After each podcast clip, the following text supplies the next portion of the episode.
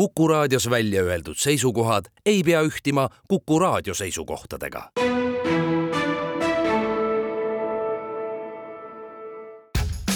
ja nüüd kohe algab Jukuraadio. Juku-Kalle Raidi köögilaua taha ongi juba kogunenud kõikvõimalikud spetsialistid ja muidu toredad inimesed. tore, et sina ka tulla said.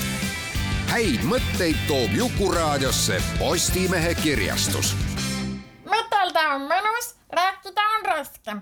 ärgem sellepärast päädel nurgu laskem. kõnelda on kergem, kirjutada raskem. ärgem sellepärast päädel nurgu laskem. kirjutada kergem, rehkendada raskem. ärgem sellepärast päädvel nurgu laskem. mõtelda on mõnus, kuidas kõik on raskem. ärgem sellepärast mõnu mööda laskem. Hando Ronnel. tere, hea Jukuraadio kuulaja ilusat neljapäeva kõikidele. ja kuna homme on meil kena riiklik püha, siis me ilmselt oleme juba kõik kodus ja valmistame selleks ette. selle pühaga seoses on muuseas täiesti vägev rääkida teemal, mille kutsung on Püha on maa. ja kes nüüd siis teab, siis kolmekümnendast juunist kuni teise juulini on kolmeteistkümnes noorte laulu- ja tantsupidu ja just Püha on maa on siis selle nimi. kui me eelmine kord Juku raadios olime väga globaalsetel teemadel seoses Lennart Mere konverentsiga, siis nüüd me oleme tõesti absoluutselt Eestis. vaatame siis, mis see noorte laulu- ja tantsupidu on, kiikame võib-olla vähekene ajalukku, räägime sellest, mida kuulata ja näha saab. aga selleks on issand jumal leiutanud äh, kaks spetsialisti, et äh, mina siin oma rumala loenguga liiga kaua ei jätkaks. ja köögilauda on potsatanud Aarne Salumäär, kes on äh, sellel laulupeol neidude koori üldjuht. sul on tegemist neidudega, tere Aarne. äärmiselt meeldiv. äärmiselt meeldiv teema ka, neidu, olla neidude koori üldjuht on, mudilasi on juba päris palju kunagi jooksutatud ja lapsi ja igasugu muid, aga, aga, aga suur osa tööst on neidude kooridega ja mul neli head, õigemini kolm head kaaslast ja ma arvan, et õige koht on öelda, et tulge näidusid kuulama. no muidugi. Helele. ja teiseks, Agne Kurrikov, Herman, sina oled tantsupeo pealavastaja. mina olen tantsupeo pealavastaja, täpselt nii. Rõõm ka sind siin kohata okei okay,, aga kuna me ei saa eeldada, et, et äh, kõik kuulajad võib-olla oleks teemaga väga kursis, ent nagu tihtipeale Juku raadios on ka siin see teema juured ulatuvad ju kaugele minevikku, noh, noorte laulu- ja tantsupeost, nagu ma ütlesin, see on kolmeteistkümnes kord. aga me võime ikkagi korraks minna ilmselt äh, ka üheksateistkümnendasse sajandisse, meie, kes me ennast laulurahvaks peame, siis äh, laulupeo idee on tegelikult sakslastelt maha viksitud ma ei tea, Arne, kas see peaks meid kuidagi häirima, tegelikult verivorst ja hapukapsad on ka sakslastelt maha viksitud väga vaata, kui vahva oleks, kui oleks näiteks tuhat kaheksasada kuuskümmend üheksa ka kohe toimunud noortepidu, tead yeah.. igavene ägedad mälestused oleksid kellelgi, aga, aga siis olid jah, ainult siuksed mehed, kes kolm päeva jala läksid oma leevakotiga.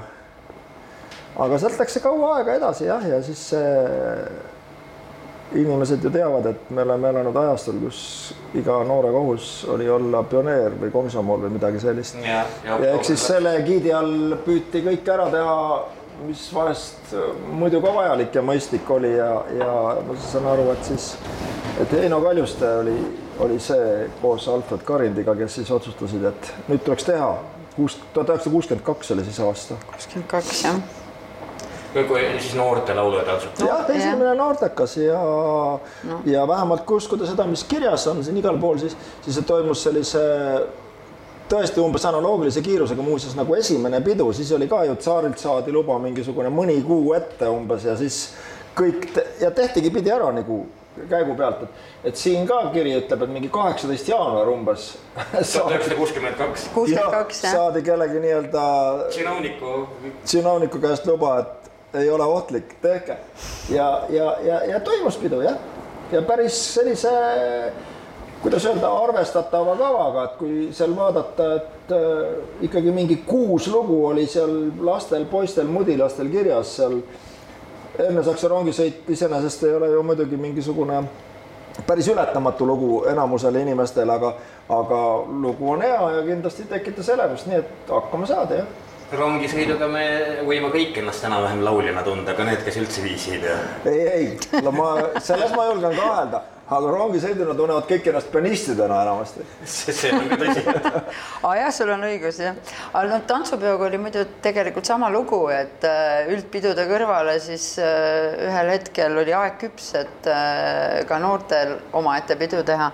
ja seal on ka minu arust erinevad legendid räägivad ja kes teab, kus kohas see tõde oli, et tantsutoa Tullo Toomjõel olla ühel hetkel patsutanud sellisele noorele mehele nagu Alfred Raadikule õla peale et kuule poiss, et võta kätte, et äh, noori on äh, väga palju juba meie siia üldpeo ridadesse liitunud ja äkki aeg on küps selleks, et nüüd võiksid noortel omaette pidu olla.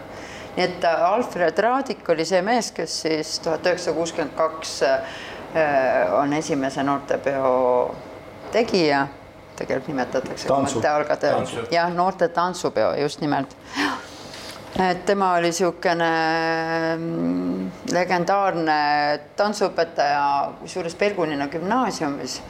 Ja niisugune lapsi tantsima panev koos oma abikaasaga, kelle nimi oli Niina Radik.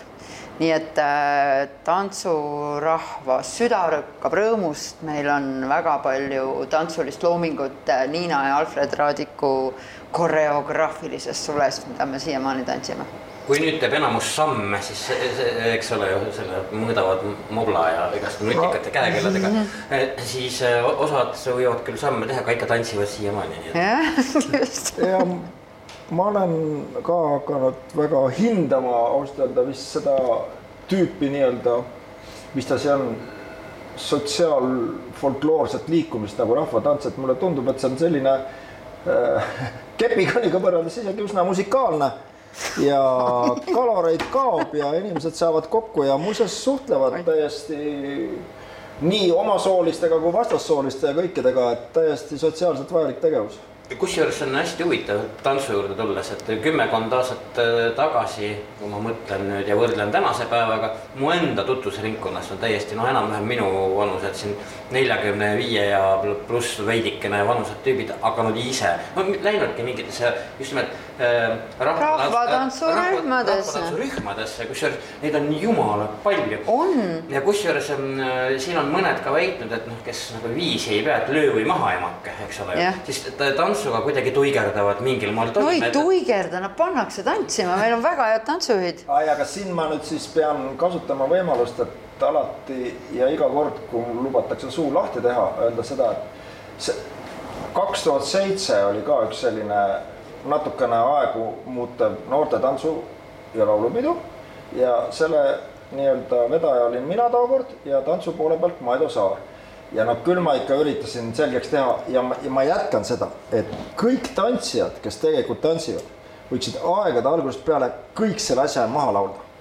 sest et noh, minu arust on täiesti võimatu, kui sul ikka tantsulugu tuleb, siis sa ju enam-vähem laulad kaasa. lisaks mm -hmm. sellele nad on üsna ägedad bändilood aeg-ajalt ja kõik sellised. nii et, et äh, ma kasutan siin Agne ja, ja raadioeetrit ja ütlen veel kord, et ma tahan elada selle ajani kui... see võib-olla ei õnnestu, kui kogu tantsupidu laulab, ma ei saa öelda, et mm -hmm. kogu laulupidu tantsib, see on natuke teistmoodi asi, aga mine sa hullu tea. mine sa hullu tea, minu meelest, aga miks siis võiks ikkagi ei, ma, või ma vähemalt hea meelega sinna käe alla panna ükskõik mudilastest või kellest iganes alates, sellepärast tõesti, et seal ei ole vaja kontrollida seda, aga su ma arvan, su kehaline liikumine on veel vingem, kui sa selle sees nagu seda lugu tegelikult ikka kaasa laulad mm, -hmm. siis sa mhm. oled seal nagu noh. tajud mitmeti kolme jalaga täis. seekord meil on äh, esimeste-teiste klasside liigis äh, on äh, laulumängud, kolm erinevat laulumängu, sellest konfidentsiaalne, elementaarne.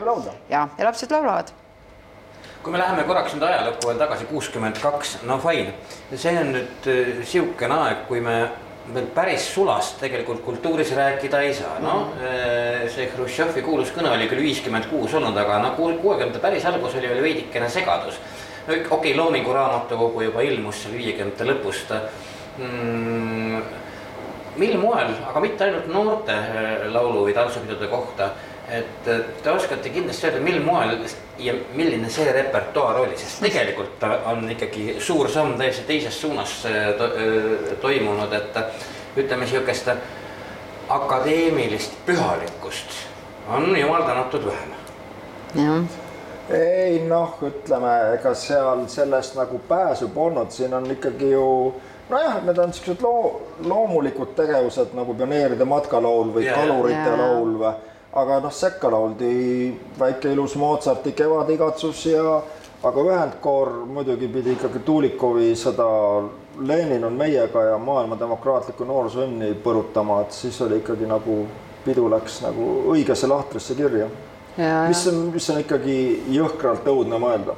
on ta ja tantsupidu, kusjuures oligi pioneeride lõkkõhtu lavastusena. telkidest kargasid noored välja ja rõõmsal meelel vihtusid tantsu. et äh, aeg oli ikka karm. tantsumosaiikidena jah, muidugi meenuvad, ma usun, paljud on näinud, neid saab muuseas täiesti Youtube'ist äh, kätte.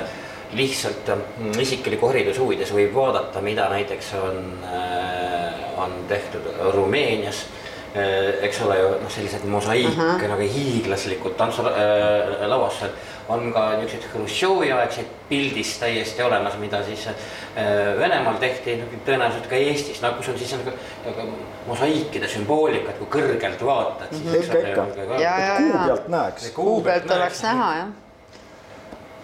Jah, noh kui inimest tahetakse panna tegema ja naljakas on see, et, et grupiviisilise käitumise raames inimesed innustuvad ja teevad seda ka no, muidugi. innustunult ja, ja kuidagi päris lihtne on tegelikult inimesi sellise noh, kuidas öelda, innuka algatusega juhtida. seda segi keerata tead mm. -hmm no ja vot see Ceausescu aegne Rumeenia just paistis selle igast niisuguste tantsuprogrammidega mm, -hmm. siin ma veel kord kordan päriselt ka, pange Youtube'i eh, Ceausescu dancing party või midagi, siis, siis okay. te hoide alles näete. muuseas, kas sina tead, et mil moel, no okei okay,, pioneeride lõkkeõhtu Yeah. eh,, millest toonane veel võis koosneda? Agne? et sa mõtled, et ja, millest See oli see niisugust- see ja niisugune kusjuures vaata, see oligi mosaiiki. ja see pandi, pandi selle ajastu võtmesse, eks ju mm. -hmm. aga tantsiti tegelikult äh, siin ajalugu kirjutab, et ikka meie oma Heideratast ja Kaerajaani ja, ja kõiki neid, mis äh, kuskilt sealt esiisadest, esiisadelt olid meiega kaasa toodud ja hoitud aga see tuli panna nagu just nagu mingisugusesse sousti ja kastmesse ja ausalt öeldes see on nagu selle ajaloo minu jaoks küll üks väärtuslikum osa, mida teha kummardus nendele, kes läbi selle aja on mingisuguse hullu katte all eh, toonud selle meie oma asja tänasesse ära, eks ju. no puhkpilliorkester näiteks oli üsna sihuke ideoloogiavaba tervitus No, meloodia, tagurpidi polka, isegi võib-olla väikse vimkaga sinna ja paraadmarss ja tead, kõik korralik, ei ole midagi öelda nojah, sellega ta, tantsimisega ja puhkpilliorkestriga on äh, na- natukene mm, kergem, kui sul sõnu kaasas ei ole, eks. No, jah. Aga noh, olid ka näiteks- alati öelda, et selle tantsuga ma sümboliseerin pärisorjuse vastast ja sakslaste vastast uitlust. aga huvitav, mida sümboliseeriti, kui ajalugu ütleb, et üheks kõige meeleolukamaks tantsuks oli poiste konnatants. seda konnatantsu me tantsime siiamaani, see on käte peale ja jalad taeva see ongi, see on, üles see ja on nalja kui meile palju meestele sihuke nagu omane. omane, see on jah, okei okay,, see on nagu loomupärane, sa tahad öelda, jah aga näiteks no vene õppekeelega koorid olid siis ikkagi nagu täiesti raudne teema ja need muidugi iseloomult Nõukogude patriootide marss ja siis on, kes veel minust rohkem teaks laulavad vene, vene õppekeelega kooride lastekoorid mm. -hmm. tegemist on küll Tšehhi lauluga seega jah. aga võib-olla see ongi nagu Tšehhi sula siis. aga samamoodi tantsupeol olid ju ka rahvaste erinevad vennasrahvaste tantsu, vennasrahvaste tantsu. kinkad ja ma ei tea, mis kõik pakid absoluutselt ja ja kuidas kõikidele puntidele üle me kauni Eestimaa õmmeldi äh, rahvarõiv, Vennas- vennasrahvaste rõivad selga ja mina olen tantsuansambel Sõpruses, toimetan nüüd juba kakskümmend kolm aastat ja meil on vägev ladu säilinud sellest ajast kõikide rahvaste rõivastega, vennasrahvaste et kui me rõivastega. tahaks praegu teha väike skikaringi, siis me saaksime sealt minna kostüüme raenama. absoluutselt. no tõenäoliselt. aga kui üldse midagi ju selle asja juures ju tagasivaates öelda, siis igal inimesel ju mingid omad siuksed mõtisklused, et, et tegelikult on ikkagi suur vedamine, et ei ole sattunud oma eluajaga sellesse hetke, et kui keegi tuleks ja ütleks sulle, et no tere, tead, tahaksime väga, et sa juhataksid laulu Stalinist mm. -hmm. ja see on mm -hmm. ikka päris jõhker, millise surve all inimesed pidid olema ja siis selle noh, enamalt jaolt ilmselt ka vastu võtma, et et sellise asja nii-öelda mitteolemine on vist üks, kindlasti üks kõva vedamine ja ma tean, et kunagi on, kunagi on laulupeo repertuaaris, ma nüüd aastat enam ei ütle, aga see võis, võiski olla see sada aastat laulust tuhat üheksasada kuuskümmend üheksa üks niisugune jabur asi, mis tuleb ka muuseas Youtube'ist välja, et mille nagu põhisõnumõte, kus Lenin, ta on nii noor ja nii noor, vot niisugune värk aastal kuuskümmend üheksa noorest Leninist. päris nunnu iseenesest. no ja tantsud kõnelesid ka neiud aiamaal ja kaevurid ja. see oleks absurdini viides päris uhke, kui saaks ikka teha nagu siuksed Leninist kolm ainult siuke vanamees, keskealine, siis siuke mini-mina Lenin ka. imik. jah, ei no tegelikult tooblastel oli ka jah, see on tõsi. kõigile teht-, püüti teha nagu söödavaks. no muidugi eks see, eks see aeg kestis, et äh, mul endal on õnnestunud laulukaare all laulda ka ühel laulupeol, üheteistaastasena või kümneaastasena, aga see on kaheksakümmend viis. ja siis oli ka päris kuradi, äh, päris jõhker äh, laulurepertuaar ikkagi. no see oli see Kretškina ajastu mõju mul on isegi need kaaned, et ma tegelikult alustasin tööd Viimsi keskkoolis aastal kaheksakümmend üks või kaheksakümmend kaks kevadel mm. -hmm. ja see kaheksakümmend viis pidu on jah olemas, et, et äh, noh, eks sealt ju läkski kogu see venestamine keeraski võlli üle ja. keeras, jah. see oli päris, päris õudne sest jälle, et, et, et tegelased, kes meid siis ju, juhendasid ja suunasid, need siis ka noh, niimoodi no niimoodi üsna mitteametlikult võisid ka siis üheteistkümne aastaselt tatile öelda, et no ma räägin mm -hmm. sulle, kuidas veel kuuekümnendatel, seitsmekümnendatel algul oli. vaata, et sa koolis suu kinni hoiad sellest, eks, sest see kaheksakümmend viis oli ikka päris ideoloogiline mm. -hmm noh, seda. ei no kindlasti noh, meil on küll sihuke laulupeo saade, aga, aga kuna on nagu ajaloo heietustega tegemist ja see läheb paratamatult ju noortesse muusikasse, siis äh, ma olen oma töös ka selle üle elanud, et äh, haridusosakonna juhatajad said palka selle eest, et marssisid klassi sisse ja kontrollisid, kas ikka lauldakse Eesti NSV ja, ja NSV Liidu hümni nagu korralikult klassides.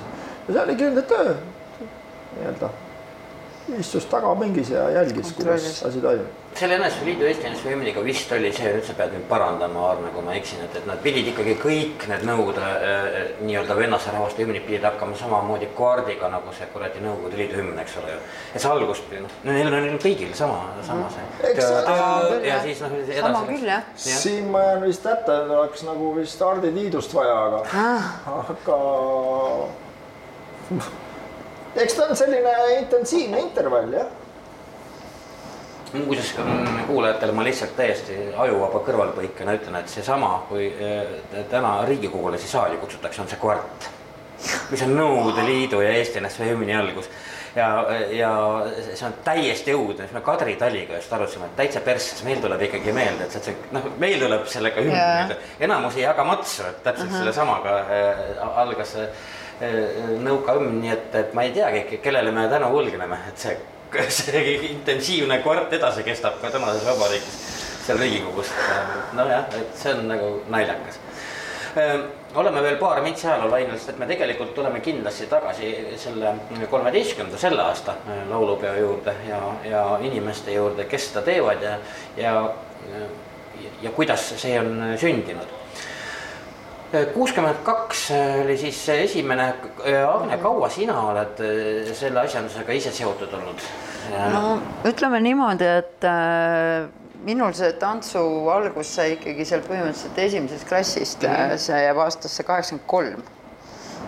ja siis äh, niimoodi vaikselt on siis tänasesse tantsupidude juurde, ma olen sealt sihuke kaks tuhat kümme on minu aja algus liigijuhina. sinu aja arvamine? minu aja arvamine tantsupidude juures jah, et kahe tuhande kümnendast aastast.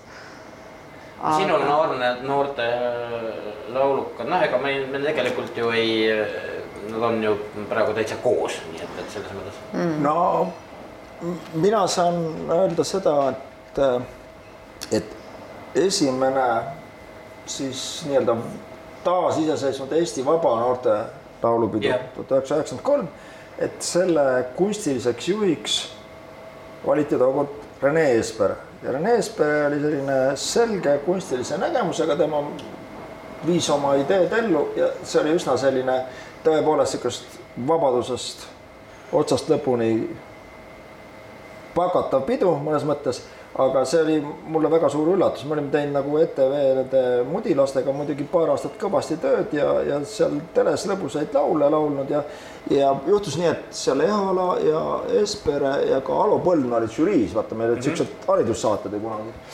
ja ma olin kirjutanud ühe sellise üsna üsna funky lastelaulu, sihuke Lähme lapsed. Ja ma ei tea, kuidas see siis Renele jäi kõrvu.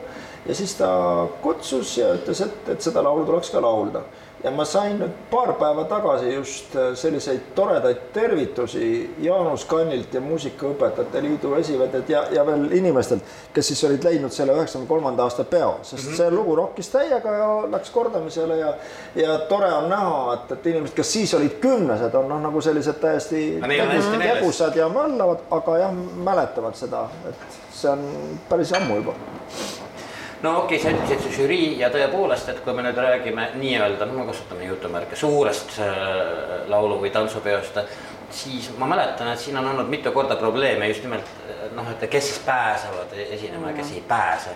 et noh, seal on, no see on tekitanud paksu öelda, et miks mhm. just noh, umbes miks kõik ära ei mahu, aga noh no, kõik füüsiliselt ei mahu. no kõik võivad hakata varsti mahtuma ka sellise kahanemise juures, et eelmine no. vaata kogu haldus ja muud reformid tähendavad ju seda, et et kui lõpetab kool, siis lõpetab ka selle juures kindlasti koor, on ju. No.. ja need numbrid, mis sealt nagu alla on tulnud tegelikult mõne aasta, kui sellesama kasvõi selle üheksakümne kolmandaga ma ei mäleta, aga siis me hakkasime kõvasti tööd tegema, meil oli siin mingil hetkel ju kümme tuhat mudilast peal, eks ju. Mm., ja kaheksa-üheksa tuhat lastekoori ja see kõik on tänaseks kahanenud kuskil viie peale ja ja näiteks seesama neidude kooridega siis oli tore Pärt Uusbergile öelda, et jah, muidugi tore oleks neid koore teha, aga siis, kui ma numbreid nägin, mis toimub, et kahe peo vahel oli toimunud kolmandiku võrra vähenemine, neidukoor on muuseas ülihea liik alati olnud, tõesti väga hästi lauldakse, suurepärased kavad on. Nad on ilmselt poissist aktiivsemad. ja ütleme nii, et meil oli ikka jõnn täiega jahe, sellepärast et kui sealt nüüd oleks tõmmanud veel nagu kolmandiku alla mm, -hmm. aga eks me siis natuke pingutasime ja saatsime kirju ja koolijuhtidele, tegelikult üks igas gümnaasiumis, alati on laulvaid tüdrukuid ja neiusid kordades rohkem mm. -hmm. ja noh, kuna mina olen siiski sattunud tegema neidude koori ja, ja see on üks väga vahva liik, siis ma tahan alati öelda kõigile dirigentidele, ka alustavale dirigendile näiteks noorele, et raudselt alusta neidudega, sest nad on juba mudilastena laulnud, nad on mm -hmm. lastena ka laulnud, sa saad päris hea materjali ja, ja sobib äh, iga kell selle liigiga peale minna ja me oleme selle peo sees nüüd ainuke liik, kelle number tegelikult ei vähenenud võib-olla me saime isegi mingi koori või kaks sinna nagu peale, et suutsime nagu noh, nii-öelda nagu sellest ohjast kinni võtta, sellest vähenemisest. Mm. -hmm. aga, aga see ei ole nali, jah. Okei okay,, aga noh, tantsijatega no, me saame, tantsurühmad, see on nagu teistmoodi, sinna lähevad täiskasvanud ja no neil ei ole ilmselt ambitsiooni minna tingimata, eks ole, oma selle rühmaga nii-öelda avalikult vehklema aga kuidas tegelikult on, kui sa lähed ikkagi nagu äh, rahvatantsurühmaga liitud, eks ju, et siin ennem juttu, et, et lähevad. sellest saab elustiil, sellest saab sõpruskond äh,, tihtipeale äh, saavad alguse sealt uued elud ja nii edasi, et, et see on nagu see üks poole mõtlemine, aga selle väitega ma nõus ei ole, et äh, kui sa lähed ikkagi rahvatantsurühma, siis sa lähed sellega teadmisega, et sa ikkagi, et sul on ka väljund selle, et, et ta ei ole lihtsalt selline äh, ühel hetkel no, tuleb täna minna. on teil ju nii palju erinevaid igasugu pidusid juurde toodud, et täna võib-olla enam see trauma, et äkki ei pääse mingile peole või kuskile, see vist annab. ei, ei ole, tegelikult keeran ümber nagu selles mõttes, siin on äh, tantsupidu on ikkagi olnud viimased äh, peod nii üldpeod kui siis äh, noortepeod ikkagi väga suures kasvutrendis mm. -hmm. et äh, tõesti, osalejaid on palju, ma võin tuua ühe näite näiteks arvuliselt, et seda mastaapi äh, mõista või tunnetada, et aastal kaks tuhat neliteist oli mina teise-kolmanda klassi ja Maido Pidu siis, eks ju, puudutus, et olin teise-kolmanda klassi lasteliikide liigijuht.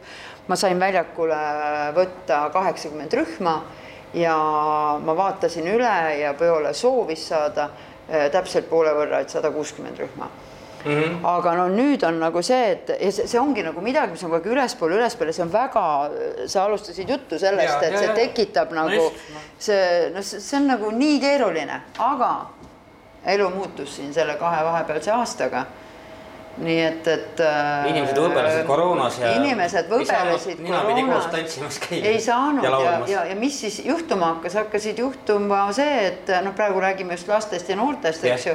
et, äh, et nagu näiteks jalgpall, eks, mida ühel hetkel sai viimase minutini õues toimetada trennina ja esimesena, kui, kui võimalus jälle uuesti tekkis, eks ju, tants äh, ei ole jätkusuutlik õuetingimustes.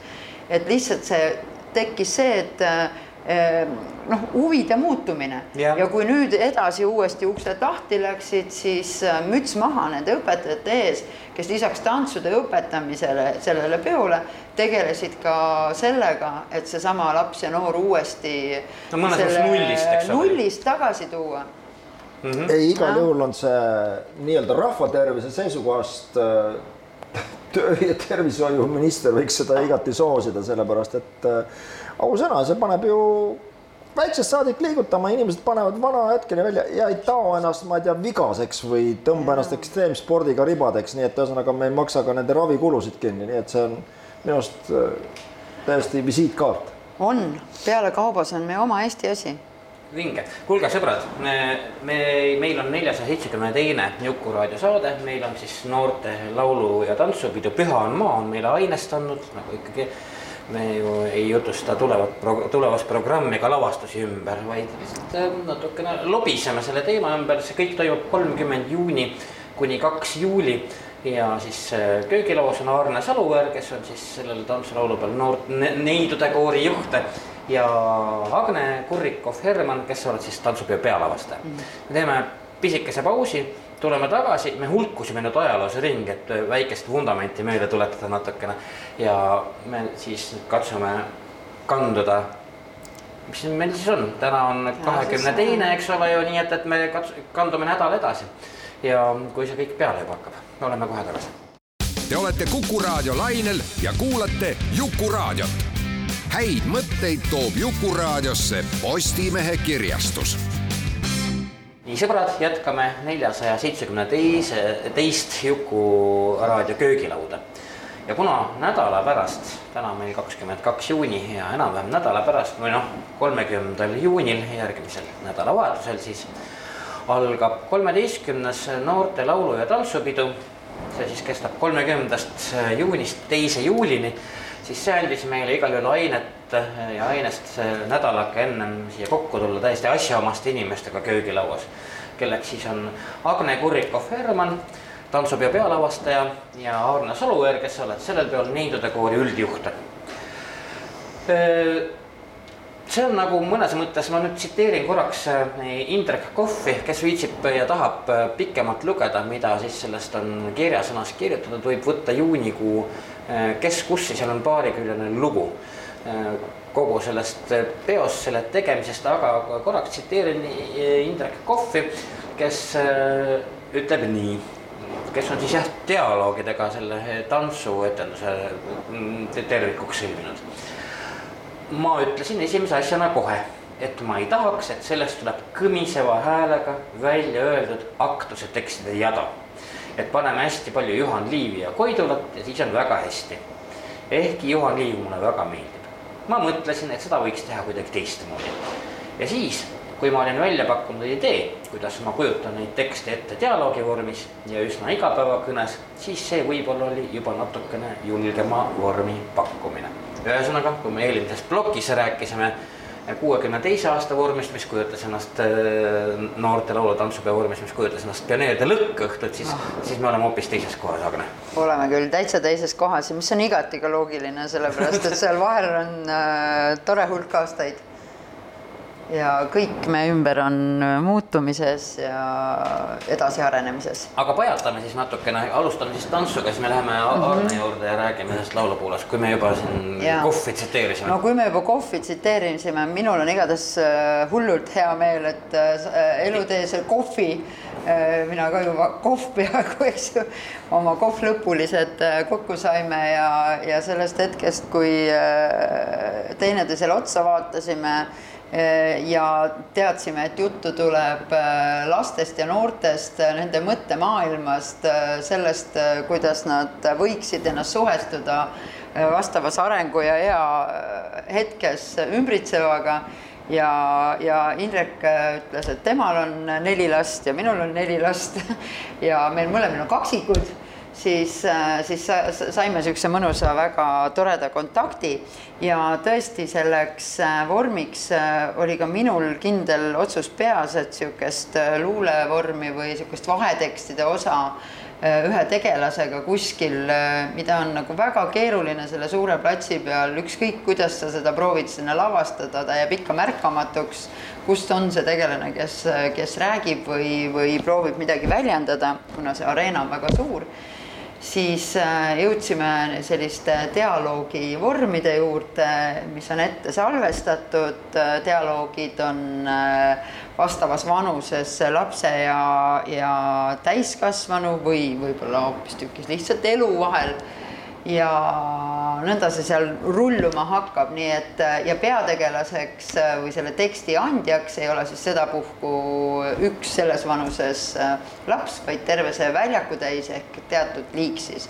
aga me võime tegelikult rääkida küll, et noorte laulu- ja tantsupidu, no räägime nüüd natukene east mm. -hmm. noorte, jah, noorte tantsupeol on siis nõnda, et, et see liikiline, liigiline jaotus on peol läbi aastate olnud. sa räägid nagu, nagu bioloog nagu liikidest põhimõtteliselt. sina oled bioloog, kuna see on pidu. ma olen jah, bioloog just. bioloog, jah.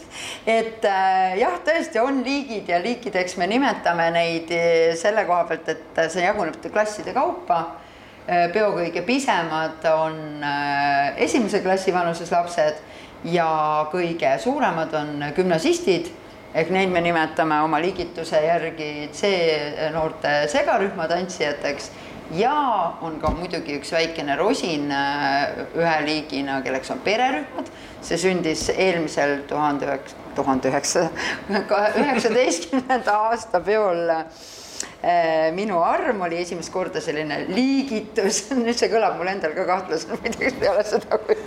Pole hullu midagi. ja, ja, ja, nemad on siis nagu, seal on täiskasvanud ka ehk siis emad ja isad koos lastega. saavad ka nii-öelda mängida kantsel, tantsida kantseldaja rolli. täpselt, tantsida kantseldaja rolli.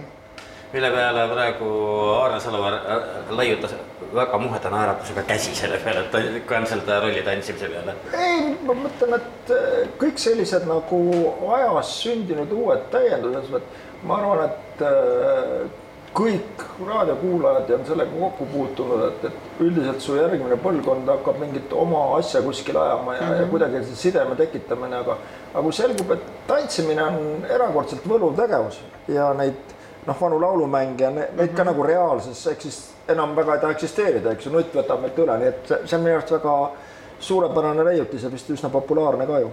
on on ja, ja seal me, meie lavastuse kestel on sellel perel nagu väga suur roll, et tegelikult see on, kui me räägime sildadest ja sildade peost yeah. ja nendest sildadest, mida me siis läbi elu endast väljapoole kasvatame, siis äh, selle kõige sügavam ots äh, toetub ju sinna, kus on äh, meie vanemad, meie esivanemad, meie juured, et et, et peo kontekstis siis see liik nagu pererühmad on niisuguse suure ja olulise äh, sümbolina.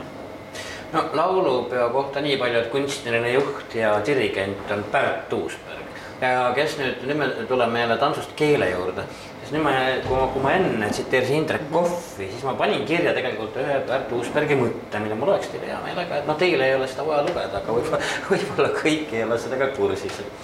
Pärt siis ütleb, tunnen, et mida vanemaks olen saanud, seda isiklikumaks on läinud minu side meie kaunikõlalise emakeelega ma ei võta seda iseenesestmõistetavana, et midagi taolist üldse on olemas ja et see tänase päevani elus on püsinud. Eriti isiklik side on mul just mõistagi Eesti luulega, kuna olen heliloojana sellega palju kokku puutunud. ja no nüüd ta toob näiteks, et, et segakooridel on kavas Erkki Sven Tüüri väike eestimaine laul, mille sõnad on siis Leelo Tungal kirjutanud kus Leelo Tungal ütleb väidab Pärt Uusberg, et tema jaoks hästi kuldse mõtte, et mõndagi öelda saab vaid selle maakeeles. No vot, et nüüd me jõuame koorimuusikani, millel on siis keelekõlal tõepoolest hästi tähtis roll. aga mul on sellele veel ju selline väga hea täiendus, et, et tegelikult äh, laulupeo üks selline nii-öelda aegruumi rikastav teema on ja eks see tekitab alati inimestes selliseid küsimusi ja, ja kellele siis meeldib, kellele ei meeldi, aga et me alati tellime nagu uudisloomingut yeah.. ja konkreetselt see lugu oligi esmalt tellitud Erkki Sven Tüürilt minu poolt lastekooridega ja siis tookord läks ta esitusele ERSO ja lastekooridega ja seal oli, Erkil oli tehtud ikkagi väga selline temalik ja, ja väga äge sümfooniaorkestri saade aga nüüd äh, sellel peol siis äh, tuleb ta uuesti lavale segakooridega ja nüüd ta on siis nagu selline saanud põhjakonnast ja kõikest muudatusi, ehk siis hea tekst ja hea muusika siis nagu, nagu Tüüri näitena, et ta nagu leiab nagu uusi peegeldusi laulupeos, minu arust see on ka nagu hea. okei okay,, Uusbergi meil siin parasjagu ei ole, aga äh, kuna Agne siin pajatas pisut sellest mm -hmm. tantsulisest osast, siis äkki sa äh, Aarne räägib teisest poolest väheke. no Pärt on ju oma selle sellise nimiloo. ja Arvo Pärt oleks ka napilt äh, siia tulnud, aga jah, et, et ka ei ei saanud antud hetkel, aga, aga jah, et olemas. no eks tal on ka suur koormus ka, aga see Runneli tekst Valgust, millele ta on kirjutanud nagu sellise nimiloo või ütleme siis nagu hümni. vahepeal oli laulupidude juurde hakkas kujuma nagu selliseks stiilinäitena vaata, et kohustuslikuna tellite nagu kantaat ehk siis üsna selline massiivne ja suur uus muusikateos, mis iseenesest on väga võluv, kui seda tehakse aga eks ta on ikkagi väga suur pingutus ka. ja noh, mis seal siis äh, salata, laulupeol on ta vägev, aga, aga võib-olla ei leia ka hiljem nii palju rakendust, aga, aga Pärt on nüüd tulnud nagu tagasi ühe sammu ja otsustanud, et, et seal ees on nagu selline laulupeo avahümn Runneli tekstile. no kantaat on ikka väga üritustemaatiline, eks ole. väga, väga tundlik, selle laulupeo tekstid, mis on ka teised heliloojad valinud ja välja toonud. ma ei tea, kas neil ikkagi on mingi selline ajastu ette tunnetus või et, et kes me teadsime, et see olukord maailmas noh, nagu mm. nii pööraseks läheb. noh, siin sobiks öelda ikkagi võib-olla selline lause ka välja, et ma arvan, et kogu meie nii-öelda eestlaste see suurim selline senine tarkus on olnud, et äh, me oleme kunagi suutnud ületada oma vastuolud ja omakeelse riigi loonud siin, eks ju, teades, mis täna toimub ja, ja sellist fenomeni tuleks siis igal juhul hoida. ma eraldi tooks välja näiteks tekstina veel sellise asja, see, see on selline natuke lõbus lugu siia saatesse ka. et Neidude koorid said tellida lood Tõnu Kõrvitsaga koostöös ja Tõnu ütles selle peale, et nojah, okei okay,, et, ma siis peaksin Torisega natukene ühendust võtma. Ja minul ei meeldi jah, nagu survestada kedagi, ehk siis looming on selline, et, et loomulikult, kui sa seda tööd teed ja sul on tähtaeg, siis üheks hetkeks pead selle asja nii-öelda nagu üle andma, sul ei ole sellest nagu pääsu tähtajad. aga, aga ma olen ka sellel meelel, et, et päris lood või sellised sünnivad tegelikult ikkagi see, kui sa, ma ei tea, kell kolm öösel üles ärkad ja sul klõks käib, et siis see on nagu hoopis teine impulss. aga okei okay,, läks mingi aega mööda ja on pühapäev ja ma olen kuskil aias tegutsev ja äkitselt mul tuleb Tõnu Kõrvitsalt selline Messengeris teade, pühapäeva soov, võtan lahti. seal on oma nii-öelda suvekodus Tõnu, kes mängib natuke häälest ära klaveriga mingit sihukest bluusi või asja. ja ma ei saa väga hästi aru, et, et see on tore, et ta, et, et, et me natuke sellist muusikalisi tervitusi lähendame ja siis tuli tekst järgi ja, ja päris laul. Ja see Toris äh, tekst, ma võin teda siin natukene tsiteerida, nii nagu sina seda tsiteerisid. see võtab äh, kokku nagu sellest tänase päeva võib-olla kõik soovid. see hakkab peale nii, et olgu rohelust ja olgu rahu. olgu linnulaulu, karget puhast vett. olgu vaikust, lõhnu läbi õhu, kujutlust ja omaette olekut. ja siis ta toob sellise inimliku noh, ütleme, et see on siis nagu refrään sellise mõiste juurde, et sina, sina, sina oled mu pühapäev. meresina, taevasina, püha ümbritseb meid üha. iga päev on pühapäev. ja eriti, mida siit tuleb edasi, et olgu hiiepuid ja laiu laa, siis selgeid allikaid, olgu haljad aasad, tulvilõisi ja mis mulle eriti meeldib kolmanda salmi algus on, et olgu mõte virge ja meeled puhanud.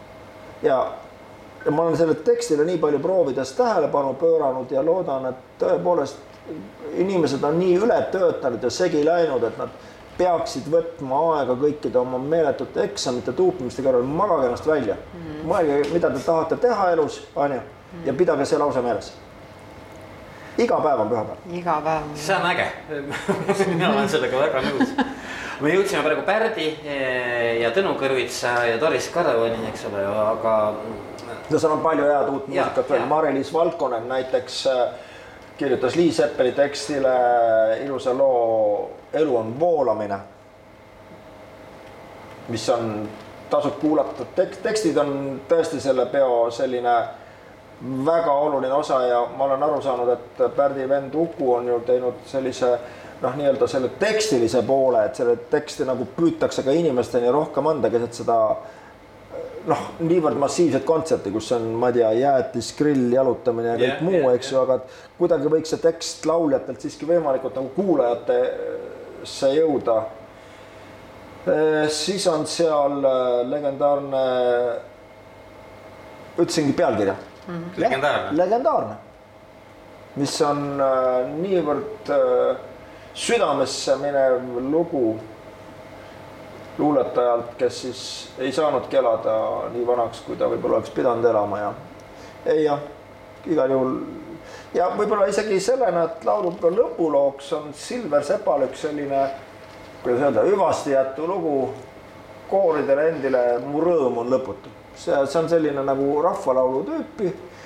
mängib ta kitarri kätte, Pärt on teinud sinna natukene sellist äh, orkestri toetavat saadet ja, ja lauldaksegi teineteisele tänu ja rahvale ja kõigele ja, ja siis minnakse selle tundega laiali, nii et jääb üle ainult äh, oodata ja, ja, ja siis seda kõike endale hinges hoida.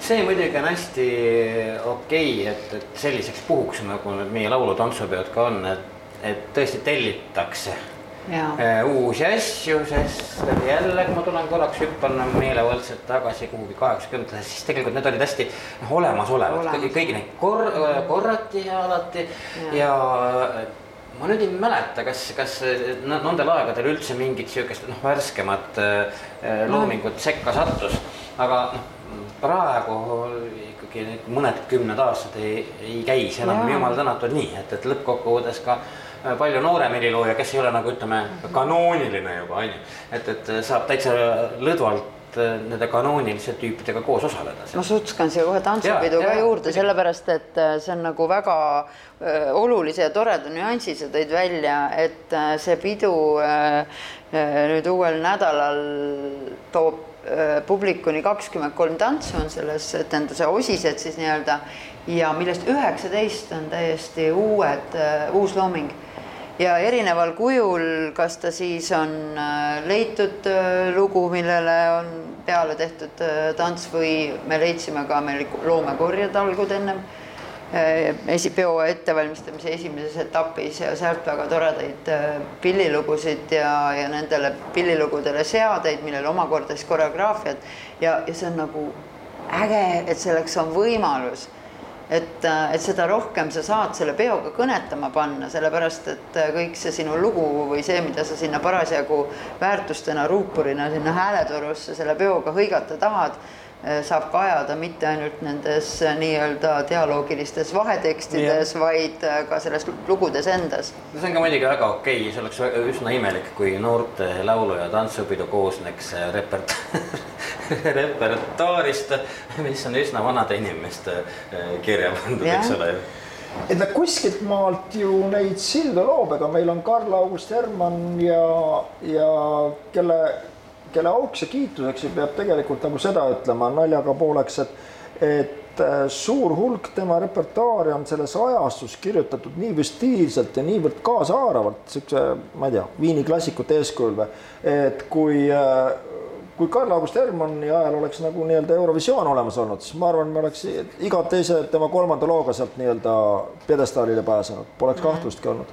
ja nii tuleb sellel peol ju ka ikkagi laulda Ilus oled Isamaa, sellepärast ei, et keegi lihtsalt rajumat midagi välja ei ole suutnud sinna pakkuda. klassikat välja rookida. sellesse lahtrisse või seal on siis eh, noh, sümfooniaorkestrit on tegelikult üks selline teema, mis on mulle ka hingelähedane, sest et esimest korda me saime noorte sümfooniaorkestrit kaasatud ja lavale aastal kaks tuhat seitse ja Jüri Ruut Kangur on sellest ajast saadik ju tegelikult seda muusikat hoidnud laval ja kogu aeg tellinud jälle ka uut muusikat, siin tuleb äh, äge lugu Tõnis Kaumanilt ja, ja, ja aga tuleb ka Elleri poeem Koit, mis on tegelikult ikka sümfoonilises mõttes väga suur väljakutse nendele mängijatele.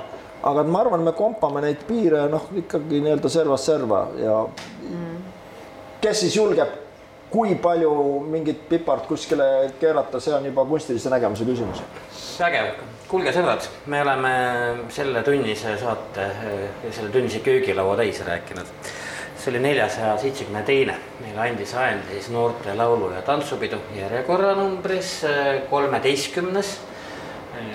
kutsungiga Püha on maa mis on siis kolmekümnendast juunist teise juulini, kestab täpselt järgmisel nädalavahetusel Tallinnas. ma meelega ei toonud siia sisse äh, seda teemat praegu, et me oleks siin halanud praegu Tallinna, üles kaevatud Tallinna üle, mis need välja no,.